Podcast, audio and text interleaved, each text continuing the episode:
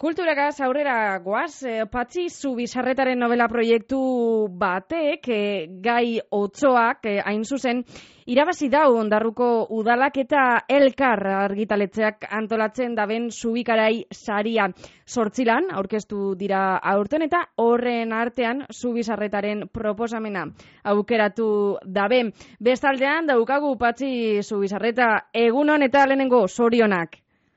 Eskerrik asko jane, mi asko. Bueno, gai otsoa patzi da zeure lanaren eh, izenburua, saritua izan dela. E, konta ikusi pizkatzu bat, e, zertan datza novela hau? Ba, begira, e, aspaldi honetan nire inguruan eta beharra da pandemia areagotu egin du kontu hori, gero eta jende gehiago sumatzen dut e, lo egin ezinik, ez da, gau ez, oheratu eta deskantzatzeko gogoa izan bai, baina ezin lokartu ez da.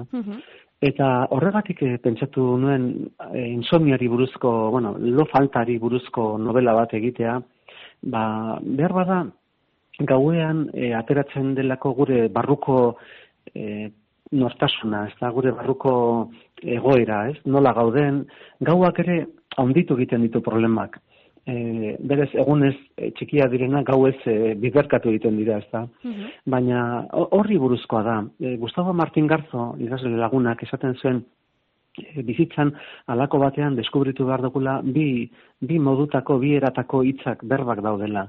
Eguneko berbak eta gaueko berbak.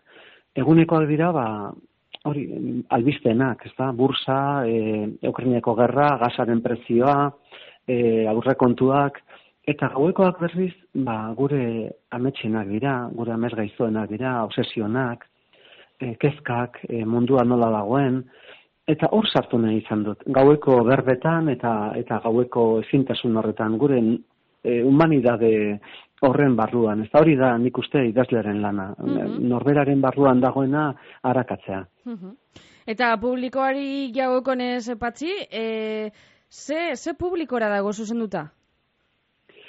Ba, bueno, e, zaila da galdera hori. E, askotan esaten diate, ze, zuk aurrentzat ere idazten duzu, eta, bueno, egia da, e, ba, aurrentzako liburu bat idaztea, ba, gauza oso atsegina dela, ezta, gero marrazkiak ere badatoz, eta batez ere laburra da.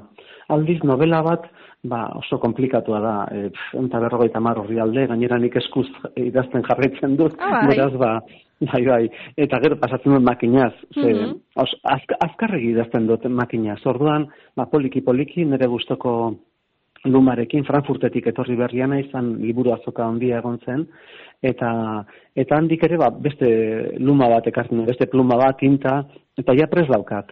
E, ze publiko, ba, nik uste, ba, ez dakit, aur txikiek noski ez dute irakurriko. Mhm. Beraz, ba, gazte, batxiller gotik aurrera. E, hau da, e, jo, benetan e, pantailari begira egon beharrean, ba, gure ispilu bat jarri eta eta ia zer sentierazten digun ez da, liburu batek. Beraz, ba, pixka bat, elduen, elduen publikoa esango nuke. Mm -hmm. Amasoi, amasei, amaz, azpiurtetik gorako entzat, ez da? Bai, bai, hori da, hori da. Bai, bai, bai. Orduan, e, eskuz idazten dozu, hori benetan harritu nahu, eh, patxi? Eta zer gaitik egiten bai, dozu hori, ba, gustaten jatzu gehiago, ala? Eh, ez da gustatu da, erritmo kontu bat. Uh -huh. eh, ni prehistoriko xamarra sentitzen naiz, badakit poetak ere, eta horrek asko harritzen nau, ba, idazten dutela ordena gailan poesia bat, ez da. Nik uste, iaia nahiago dute taberna batean, kafetegi batean, serbileta baten gainean arkatzez edo bolirafo batekin, uste dut, ezakit, beste ritmo bat dela, ordenagailuak teknika ekartzen digo gora eta asko erabiltzen dut, eh? Mm Eta mesede handia egiten dit gaur egun, ez da, ba, ez daki lehen dena, ba, me mekanografiatu eta dena egin behar genuen. Baina, bai, e, erritmo pausatogo bat ematen dit, azkarreki bizi garelako gaur. Mm -hmm. ba, horrek, e, bueno, azele da gailua, ba, hortxe dago, baina, ba, astiro sakatzen dut, bai. Mm -hmm. Ta, patzi novelari jagokonez, eh, zein izan zen lehenengo eguna esan zen dula, hasiko nazi dazten, zer gaitik animau zinean, e, zelan hasi zan e, prestaketa hau? Ba, begira, e, arazo materiala da, oso praktikoa da. E, idazle batek liburu bat saltzen denean euneko amarra jasotzen du. Mhm. Beraz, amarre euroko liburu batek euro bat ematen dizu. Alegia, e, Bilbon kafe bat hartzeko, ebagi bat hartzeko, ba, iaia bi liburu saldu behar dira. Orduan, ba, egia esan da nire adinarekin, jo ba, egia esan beste egoera batean, ez nintzateke aurkeztuko lehiaketetara, eta baina superviventzia kontu bada. Hmm. Orduan, orkestu nintzen, e, gustoko nuelako gaia, eta animoa emango zidalako, eta eta diru aldetik ere, ba, babes txiki bat, ba, bueno, ba, aurrera egiteko, ez da. Mhm. E, hori, hori izan zen, e, bestela, e, kao, sariak behartzen zaitu urtebete barru, atzo eren egon durangon, e, barkatu durangon ondarban egon ginen, mhm. eta iazko irabazlea egon zen bertan, ez da. Presa pixka bat sartzen ditorrek. Bai, Baina, era berean, ba, bueno, bai, ez dago gaizki, ez dago txarto, ba, bueno, ba, e, aurrera egin eta epe batzu jarri, ezta? Mugarri batzu jarri eta eta ea, ea ateratzen den. Mhm. Datorren urtean ikusiko dugu, ea liburua kalean dagoen Durangoko e, azokaren e, ateretan iaia. Mhm. Bueno, Patzi, eta azken e, galdera, e, non espentza hau zendun zubikara izaria irabaziko zendukela ala ez? Jo, ba, baitu, hori da beste bat. Edo sorpresa izan da? Bai, ba, ondia, ondia.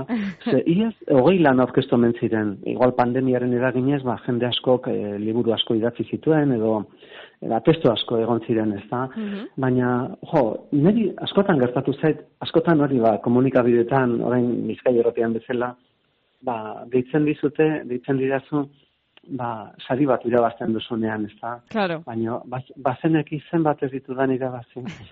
bazeneki.